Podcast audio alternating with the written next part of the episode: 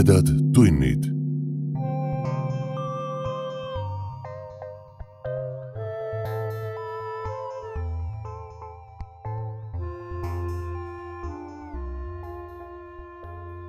tere, hea ulmesõber. sa hakkad kuulama õudus- ja ulmevestmis podcasti Tumedad tunnid suure suvise järjejutu esimest osa.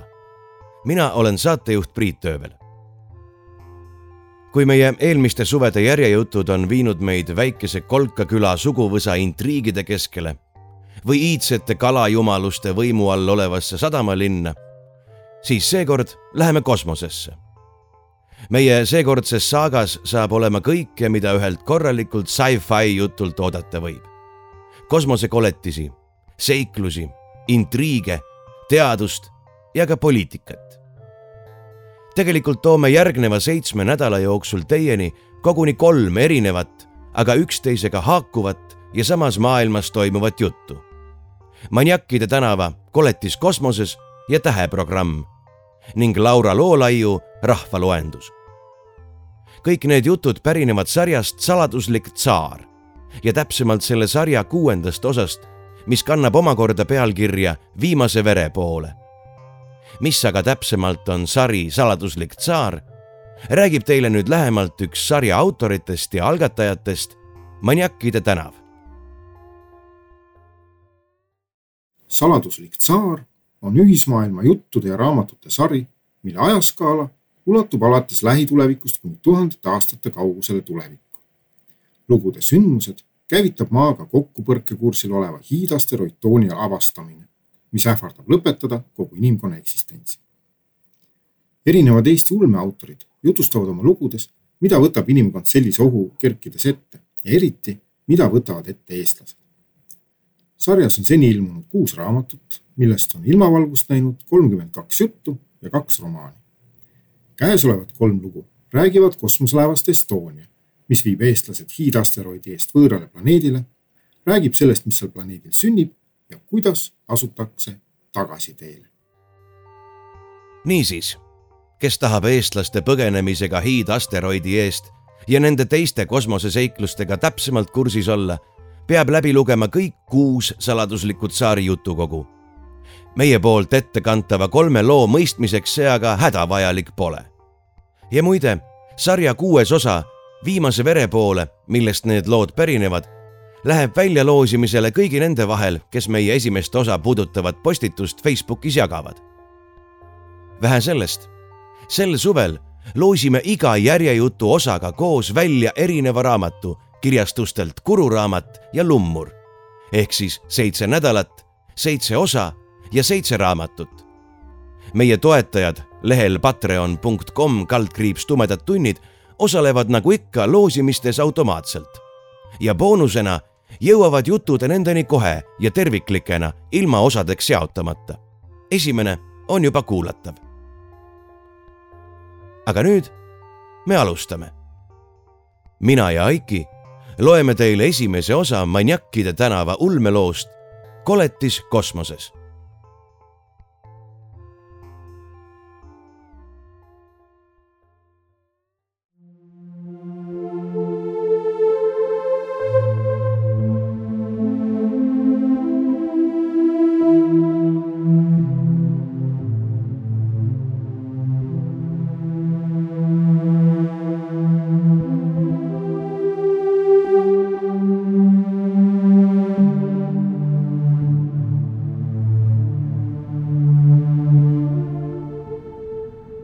Andrek kosmosesse tuli, siis ei ajanud teda siia vaid hirm maad hävitava asteroidi ees, vaid ka uue maailma põnevus.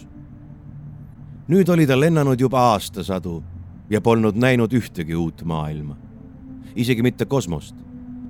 ainus, mis ta siiani oli näinud, oli krüokasti sisegaas ja kosmoselaev Estonia pikad ning pimedad käigud. ja muidugi oli ta näinud oksekoti sisemust kaalutuses krüounest ärkamine ei olnud nannipunnidele. see võttis sisemuse täiesti pahupidi. kuigi, kui pardale nannipunne sattus, siis loomulikult oli see ärkamine ka neile. ega valikut ju ei olnud. Õnneks oli Andrek oma oksendamised ära oksendanud ning tundis end juba normaalselt. riietus olemas, hooldaja määratud. pisikeses kambris, mis talle peale ärkamist määrati, oli poolhämar.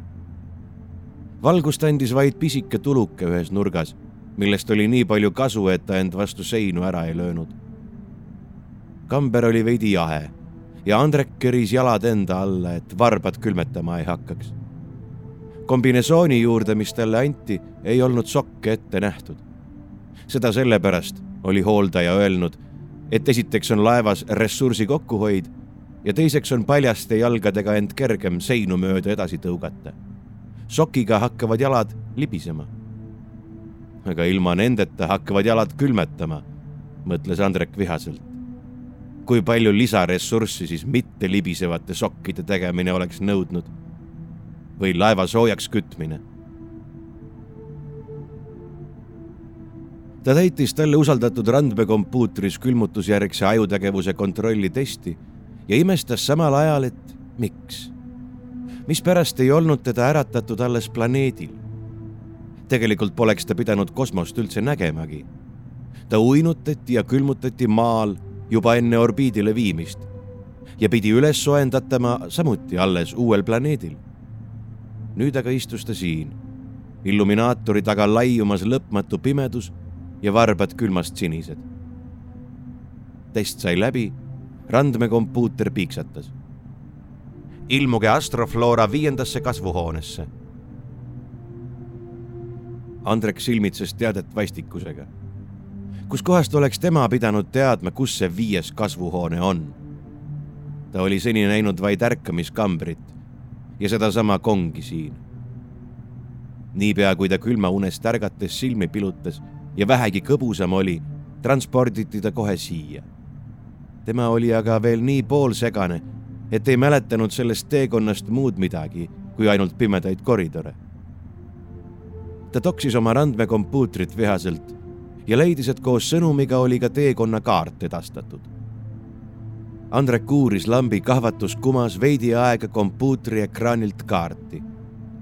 energia kokkuhoiu mõttes selle ekraan ei helendanud.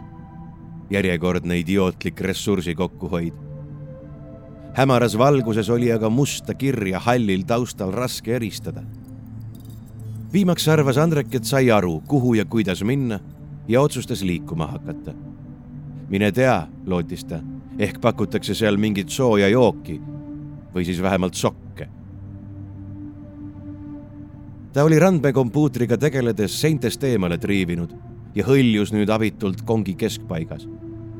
kui enne oli see tundunud kammitsevalt väike, siis nüüd paistis kong jälle liigagi suur. nii naeruväärne kui see ka ei olnud, ei ulatunud endale kuskilt hoogu lükkama, et liikuma saada ta siples nagu uppuja vees, kuni sai viimaks nii kaugele, et ulatus napilt varbaga lähima seinani. see aitas ta liikuma, kuid oskamata seda korralikult ära kasutada, põrkles ta mõne hetke sihitult ja vandudes mööda kambrit ning lõi end mitu korda ära, enne kui jõudis tulivihasena ukse juurde. seal sai ta käepidemetest kinni ja puhkas pisut. siis surus Andrek end läbi ukse aset täitva osmoosvälja koridori.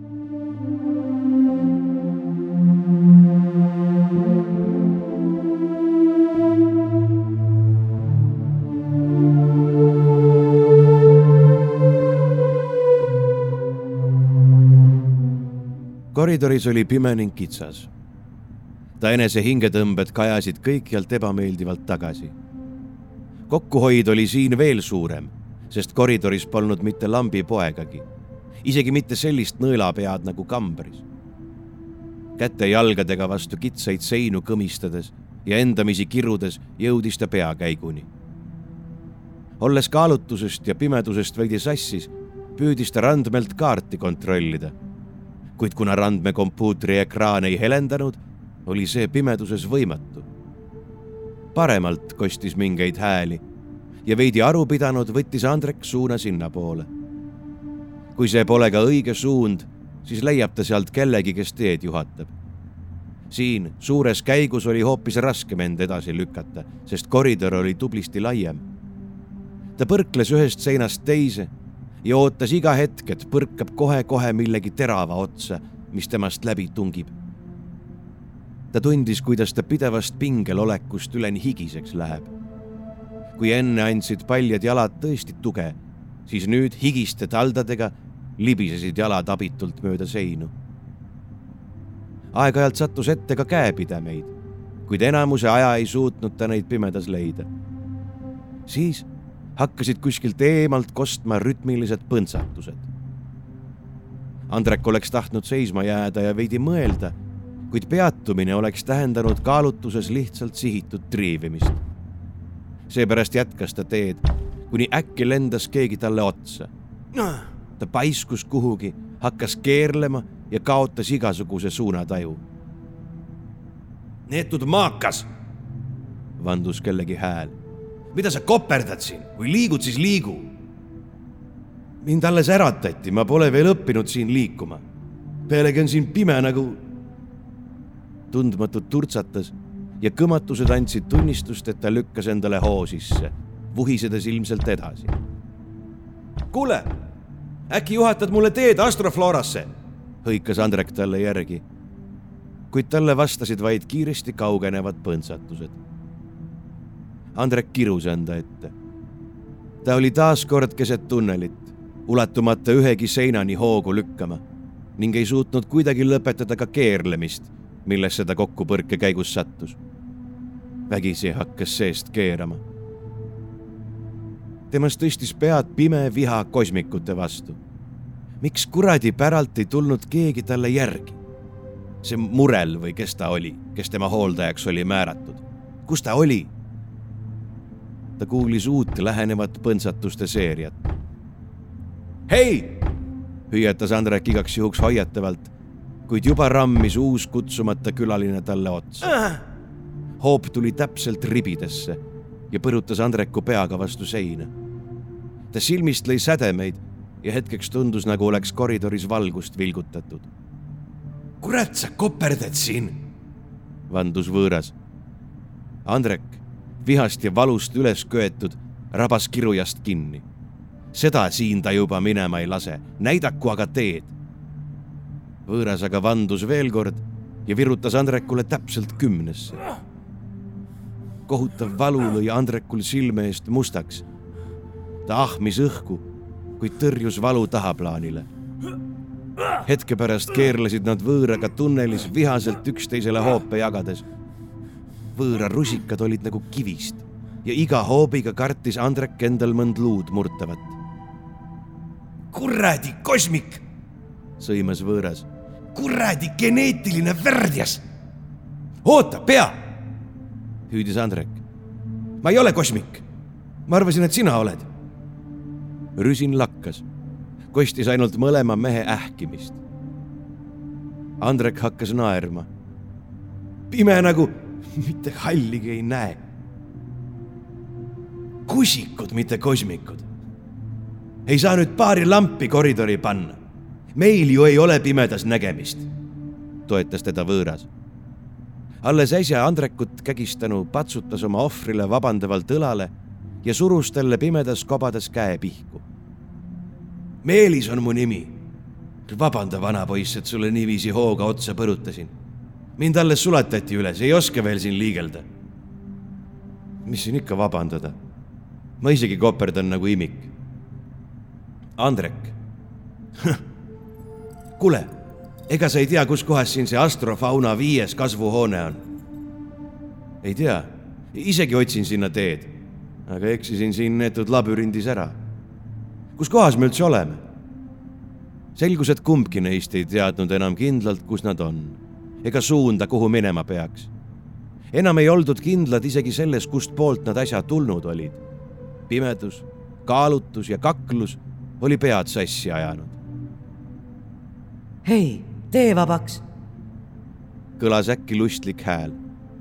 mehed vahtisid silmi pingutades ringi, kuid eest ei tõmmanud, sest nad lihtsalt ei suutnud. pealegi ei saanud nad aru, kustpoolt hääl tuli.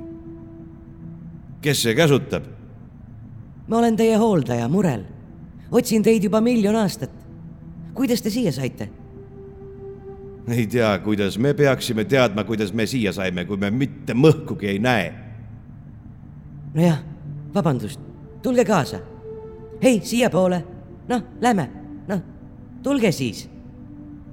see oleks pannud mehed jälle vanduma, kuid naisterahva juuresolekul, vähemalt nad arvasid, et tegemist on naisterahvaga, ei tihanud kumbki vägisõnu lennutada.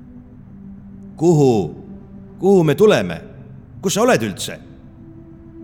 oh kosmos küll, kuidas saavad suured inimesed nii abitud olla? võtke nüüd lapsukesed kätest kinni, ma viin teid tillukesi liuglema. mehed mõhisesid ja urisesid. keegi haaras Andrekul käe alt kinni ja juhatas meest õiges suunas. Andrek tundis kaaslase lõhna. See oli meeldiv aroom mitmesuguste taimede lõhnabuketist. nii et ta ei eksinud. murel oli naisterahvas Meelis tajus Andrekut eemaldumas ja kahmas tal jalast kinni. siin võiks mingi, mingi elementaarnegi valgustus olla. küllap jah, meie viga ei osanud selle peale tulla.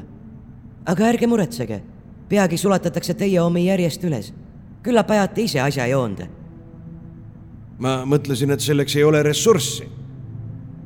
kulu on muidugi suur, ent te ei saa ju jäädagi käsikaudu kobama pealegi on laeva vanas osas valgustus olemas. vaja ainult süsteemid üle vaadata ja sisse lülitada. kas sul meile seniks mingit lampi ei ole anda? hiljem, koos skafandriga, seal on need küljes. niisama ühtegi lampi ei ole, vähemalt mina ei tea, et oleks. meil endil ei lähe neid vaja. Murel vedas Andrekut edasi ja koos sellega ka kaaslase külge klammerdunud Meelist.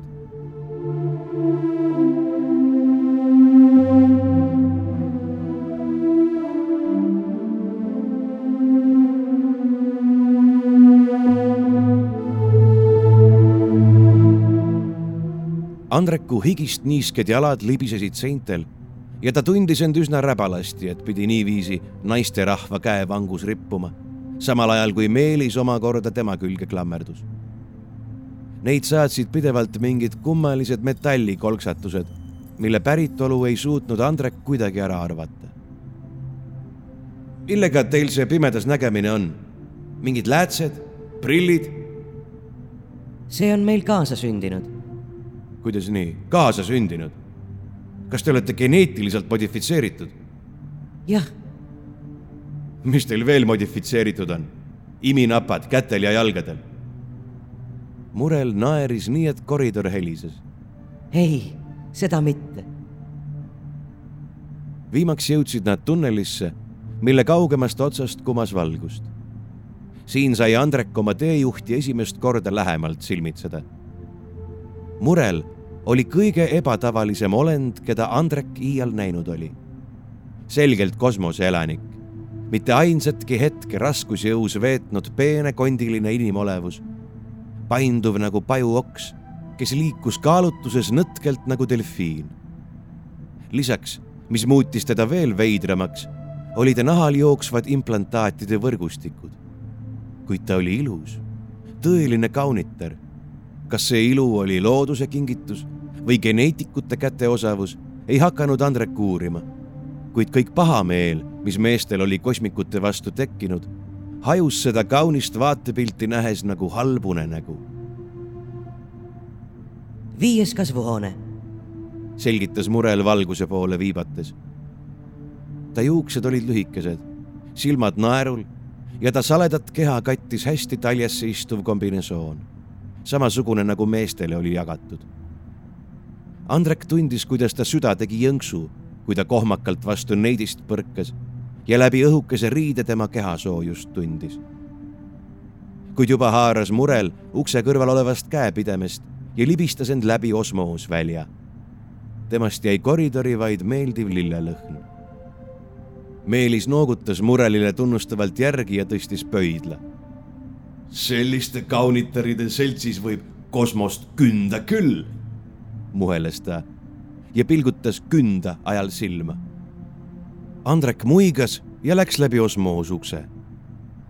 teisel pool ootas teda üllatus. ta oli oodanud pisikest, taimi täis kuuti ja taimi oli ruum tõepoolest täis, kuid nii suur, pääses Andreku huulilt jahmunud küsimus. murel, kes oli oma pikad ja saledad jalad siinsamas ühe liaani ümber põiminud, noogutas. Titevabrikud on viimasel paarikümnel lennuaastal kõvasti toodangut suurendanud. ühtlasi valmistutakse maalaste ülesäratamiseks krüounest. toitu vajatakse ja varutakse üha rohkem. titevabrikud. kloonimislaborid läbi ust katva välja ilmusid Meelise jalad. Andreku imestuseks olid need metallist. sealt siis tulidki need kolksatused, kui nad siiapoole hõljusid. Kui nähtavale ilmusid Meelise käed, siis olid ka need proteesid ja seepärast oligi tema haare nii tugev olnud. Meelisegi silmad läksid rohelist panoraami nähes pärani. oi kurja kasvuhoone oli tõepoolest tohutu suur ja meeste rõõmuks vaid poolhämar, mitte kottpime. valgus, mis siin oli, ei tulnud lampidest, vaid suured läbipaistvad paagid, kus kasvatati kunstliha, hiilgasid bakterite kahvatust helendusest. hiiglaslike mahutite ümber võrsus palju kauneid ja võõrapäraseid taimi, kelle lehtede seas olid leidnud endale koha kõige kummalisemad kroonlehtede pöörised ning see aroom hiiglaslik ruum oli mähitud magusate lõhnade aeglasesse valssi. siit see mureli lõhn tulebki, mõtles Andrek. Lihapaakide smaragdne hiilgus ja ruumi avarus, roheline mets tundus kaduvat lõpmatusse, võttis mehed hingetuks.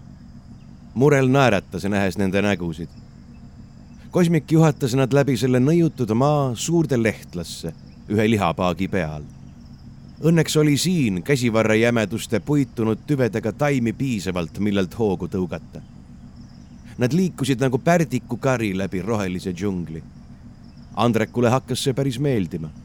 pime ja kitsas kuut oli unustatud. ta oli eluaeg armastanud maal metsi mööda uidata.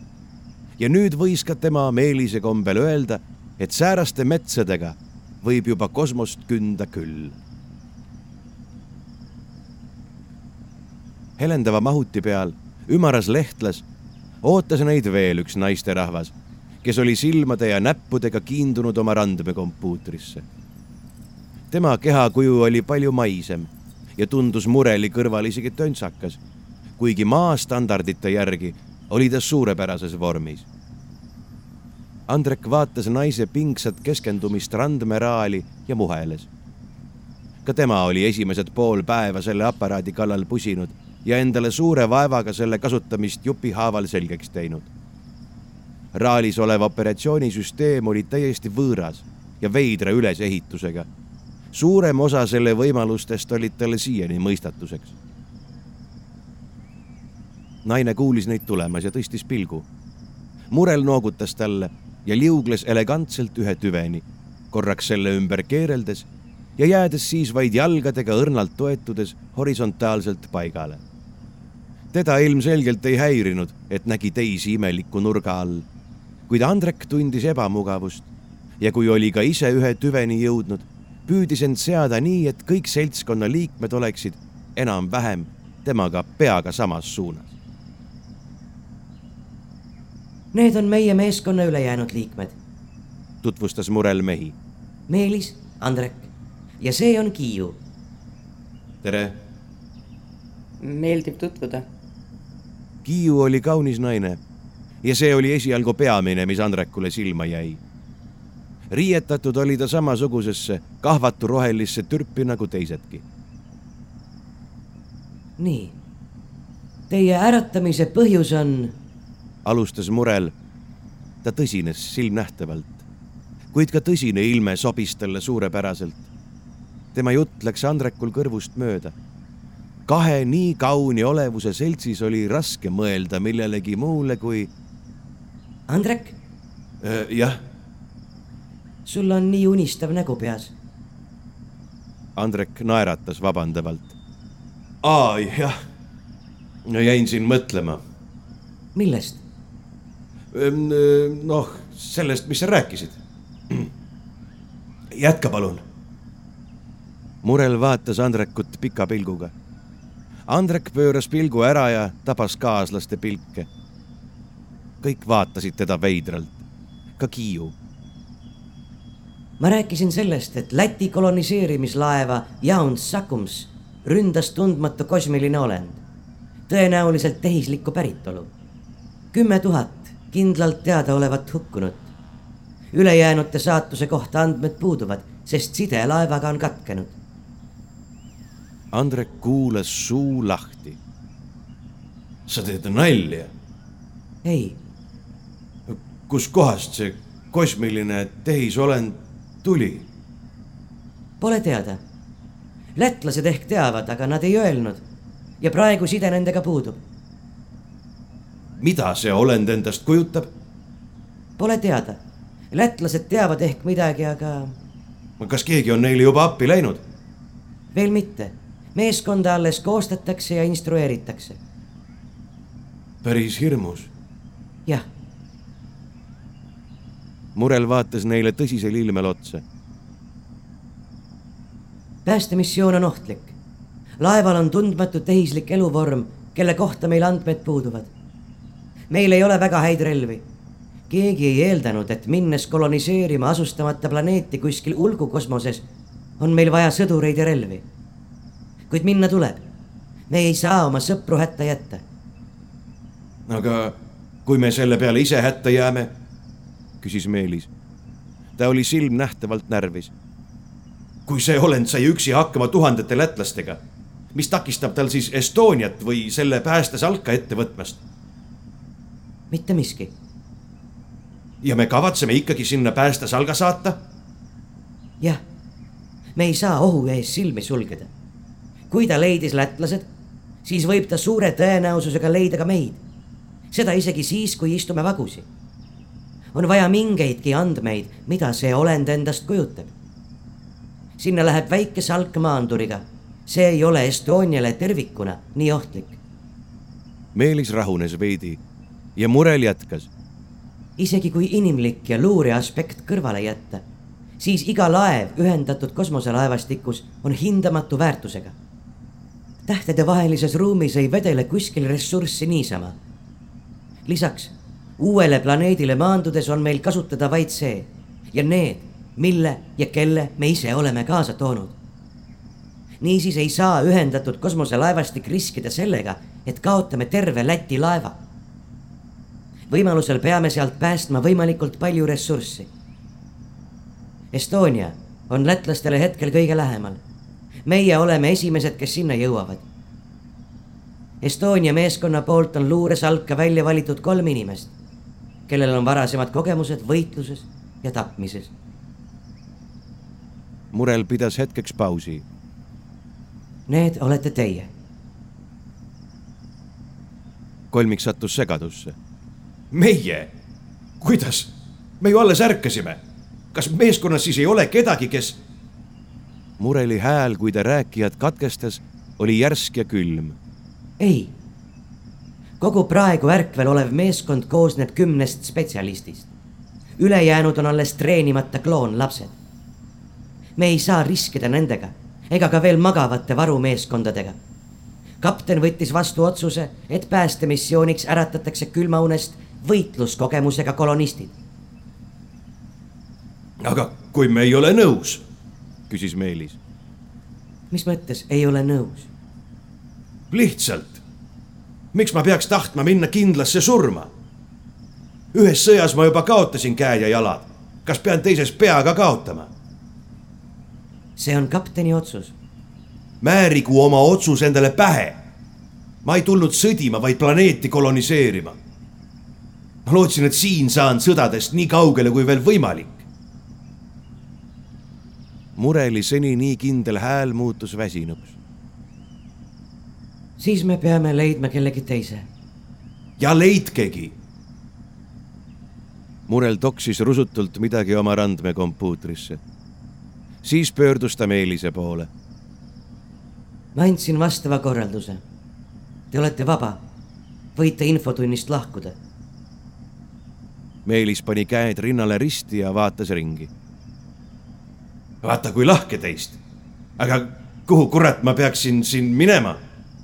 Ilmselt mõnda planeeti koloniseerima, selleks te siia ju tulite. sähvas Murel kuivalt. Andrek oli naises toimunud muutuse üle jahmunud. esmakohtumisel nii soe ja rõõmus, nüüd aga nagu jäätükk. kuid Meelist teise jäisus ei hirmutanud. Te teete nalja. viige mind külmaunne tagasi. Teid ei saa nii kiiresti uuesti külmutada, see oleks ohtlik. Organism alles ärkab praegusestki muutusest. Läheb pool aastat, enne kui teid on ohutu uuesti külmutada selleks ajaks aga peaks teid niikuinii äratama, sest algab hämarikule laskumine. Teile leitakse muid ülesandeid. ressurssi ei saa lasta raisku minna. mida? käi õige kuradile. käi õige ise. viimane lause tuli aga hoopis Kiiu suust, kes tõukas end üles, haaras ühest tüvest ja sealt tuge saades virutas Meelisele jalaga rindu. see paiskus eemale, raginaga läbi taimerivi ja kadus abitult veheldes kuhugi kasvuhoone sügavusse. mõnda aega kostis mehe sõimu, kuid peagi läks ta tähelepanu sellele, kuidas end kaalutluses pidama saada ja räuskamine vaikis. kõik vaatasid Kiiut jahmunult. kõige enam oli jahmunud aga murel. Inimesed hukkuvad sellal, kui me räägime. meil ei ole lõputult aega ühe tülli arga hala kuulata sõnad sellisele aga ilmselgelt ei mõju. selline käitumine ei ole laevareeglitega kooskõlas. lausus Murel ning tema hääl oli endiselt selgelt ebasõbralik. nüüd juba Kiiu suhtes. kumma oma meist? küsis Kiiu. ta silmad tõmbusid kitsasteks piludeks. Kaks naist pidasid pilkudega duelli. Teie mõlema millised need laevareeglid on, mille vastu ma praegu eksisin? esimese ühiskondliku käitumise reegli vastu. hea atmosfäär laevas tuleneb otseselt vastastikusest austusest. igal inimesel on omad väärtused, neid tuleb austada. keegi ei saa ega tohigi teisele tema veendumusi ette kirjutada. nii et kui see töll ütleb, et las inimesed surevad, siis te ei tee talle midagi? Murel noogutas, kuid kuidagi nukralt see on tema valik. Andrek mühatas, aga Kiiu sama hästi kui sülitas. veidrad reeglid teil siin. kuskilt kaugemalt kostis taas Meelise vihast jauramist, kui ta raginalend läbi võsa väljapääsu poole lennutas. Murel vaatas häiritult sinnapoole. Ainuvõimalikud, kui me tahame ära kasutada iga inimese täit potentsiaali Kiiu pani käed rinnale risti ja tõstis võitlusvalmilt lõua kõrgemale. noh, minu valik oli talle jalaga anda. Murel vangutas pead. seega rikkusite te Meelise õigust tema arvamusele? ei rikkunud, tema arvamus jäi talle alles. kuid te ei tohi. kes mind keelab? Murel takerdus tundus, et tal ei olnud kogemusi sääraste ebaviisakate ja tahumatute tegelastega. või, mõtles Andrek, ei tahtnud ta praegu karme meetmeid kasutusele võtta. millal te need reeglid välja mõtlesite? küsis Andrek, et õhus rippuvat konflikti veidigi mahendada. tallegi tundusid laeva reeglid veidrad, kuid nende üle sõimlemiseks ja vaidlemiseks arvestades, et lätlased olid surmahädas, ei olnud hetkel ei õige aeg ega koht.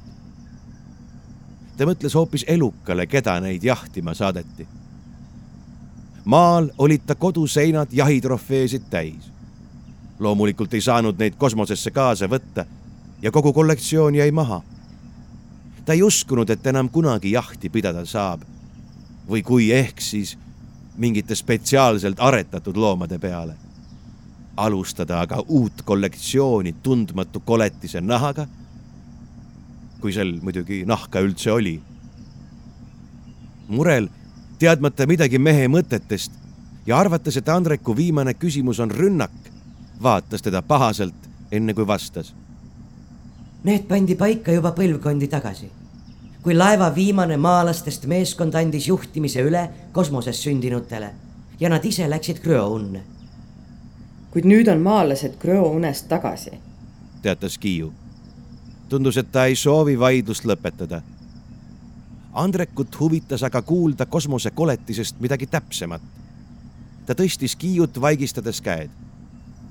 kuulge, jätame selle hilisemaks. inimesed surevad sellal, kui me siin lobiseme. kuulame äkki edasi Kiiu, kes oli ilmselgelt valmis veel vaidlema ja selgitama oma nägemust laevas kehtima pidavatest reeglitest, pani suu kinni, hingas sügavalt sisse ning lausus hoopis rahulikumal toonil. vabandust, sul on õigus, Andrek. jätkake murel. murel, üllatunud, et teised nii järsku tagasi tõmbusid, noogutas Andrekule tänulikult. ta püüdis jälle naeratada. niisiis kas te olete nõus minema päästemissioonile? nagu meil oleks valikut. turtsatas Kiiu. valik on alati. mina olen nõus, ütles Andrek. otsus ei tulnud kergelt.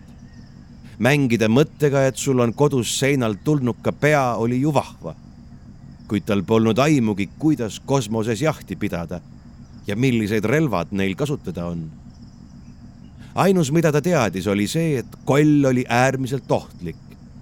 ja seda, et kui keegi ei lähe toda peatama, siis võivad väga paljud inimesed surma saada. murel võpatas tema vastust kuuldes, nagu poleks ta mingil juhul uskunud, et Andrek nõus on. ja Kosmik vaatas teda uskumatult. Te olete nõus? jah inimesed surevad. ja kui mina tundusin teile küllalt pädev selleks, et üles äratada, siis, siis teil järelikult ei olnud eriti valikut. ma ei suudaks niikuinii minna tagasi krüounne, kui ma tean, et meie laeva võib iga hetk rünnata mingi kosmosekoletis. ja nagu ma kuulsin, ei ole magama minek ka tehniliselt võimalik. niisiis, siin ma olen. ja nagu sa ütlesid, ressurssi ei saa raisku lasta ega iga päev ei ole võimalik tulnukat jahtida. kui praegu ütlen ei, siis ei tule järgmist võimalust enam võib-olla kunagi. äkki on see mingi ammu hävinud rassi viimane esindaja? aitäh! lausus Murel sellise häälega, et Andrek oli kindel, see tänusõna tuli tõepoolest südamest. see pani mehe hetkeks kohmetuma kas murel oli ta teiste seast isiklikult välja valinud, et ta Andreku jahhi nii oluliseks pidas? Kiiu põrnitses Andrekut vihaselt, justkui oleks ta kavatsenud mureli ja lätlased lihtsalt trotsist põrgu saata. kuid Andreku nõustumine ajas ta plaanid sassi. Pole see mingi viimane esindaja? kuulsid ju, et see olend on ilmselt tehislik. aga no olgu, mina olen kah nõus, teatas ta kuigi tunda oli, et Kiiu oli siiski veel üsna vihane. ainult, et meid on kuidagi vähe. millal meie kolmas liige üles sulatatakse? Murel naeratas neile mõlemile laialt ja Andrekule tundus hetkeks, et Mureli silmanurgas välgatas isegi midagi pisara moodi. raske oli öelda, kasvuhoones oli üsna hämar ja hetke pärast oli läigatus juba läinud selleks ei ole aega. meeskonna kolmas liige olen mina. Murel naeratas leebelt ja närviliselt. oli selge, et ta ka ise ei tahtnud kuigi hea meelega minna. Andrek ja Kiiu olid üllatunud. sina? küsis Kiiu. igasugune vaenulik toon tema häälest oli kadunud. Murel keeras pea nukralt viltu ma pidanuks niikuinii tulema. Teil on pilooti vaja. aeg on otsas, meil ei ole mahti veel kedagi üles soojendada. miks? sest me oleme kohal. me juba alustasime esimest spiraali ümber hämariku. tõsi küll, väga suurel orbiidil ümber selle, sest meie kiirus on ikka veel liiga suur. tasapisi iga tiiruga võtame kiirust maha ja läheneme aeglaselt planeedile. lätlased tulid enne meid ja nende kiirus on juba kaks korda väiksem kui Estonial. peagi oleme lätlaste suhtes lähimas positsioonis, kuid tuhiseme neist mööda. Estonia kiirus on ikka veel liiga suur, et nendega järsult samale kiirusele aeglustada. päästealus läheb Jaun Sakumsile ja naaseb Estoniale, kui see järgmise tiiruga uuesti lätlastest möödub ja on oma hoo maha saanud. Kiiu turtsatas ja sai oma sõjaka hoiaku jalamaid tagasi. Miks te siis varem sulatama ei hakanud või ei sulatanud varuga rohkem inimesi korraga? murel naeratas talle jälle oma nukrat naeratust. me alustasime sulatamist ammu. Te ei olnud meie esimene valik, vaid nimekirjast viimased. kõik eelmised kakskümmend seitse inimest keeldusid, samamoodi nagu Meelis. põhjendused olid üldjoontes samuti samad, mis Meelisel. Hetke valitses vaikus, siis hakkas Kiiu naerma sähsis teile kõigiga arvestamise reegleid. ka Andrek vangutas pead. nüüd ta sai aru, miks Murel nii särama lõi, kui ta missiooniga nõustus. Neil ei olnudki rohkem kedagi. aga seda, et kakskümmend seitse inimest, koos Meelisega kakskümmend kaheksa, olid kõik keeldunud, ei mahtunud talle samas pähe. See polnud ju võimalik.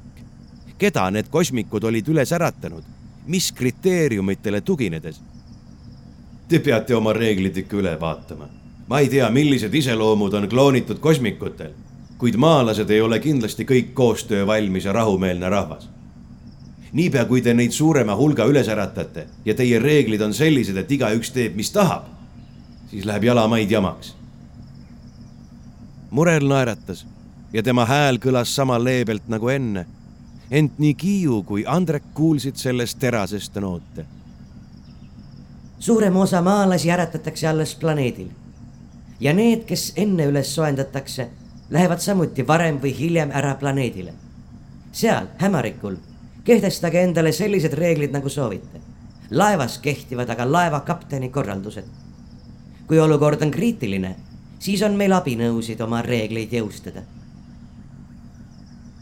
No selge, ütles Andrek ja mõtles, et kas neid jõustamise vahendeid oleks kasutatud ka siis, kui nii tema kui Kiiu oleksid samuti keeldunud minema. sellisel juhul oleks ju olukord olnud tõepoolest kriitiline. ta oleks tahtnud selle kohta küsida, kuid loobus. Kiiu oli nii sõjakas meeleolus, et võib-olla oleks vastuse peale jälle mingi tüli tõusnud. mis siin siis ikka seletada? Asume siis asja juurde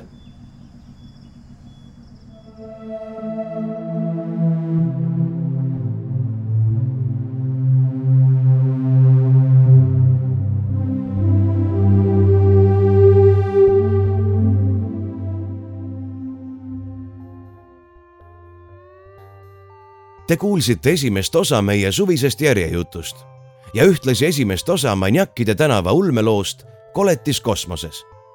Järgmine osa täpselt nädala pärast. kui sa ei malda nii kaua oodata, mine lehele patreon.com kaldkriips tumedad tunnid ja kuula tervet juttu juba praegu. kõhedate kuulmisteni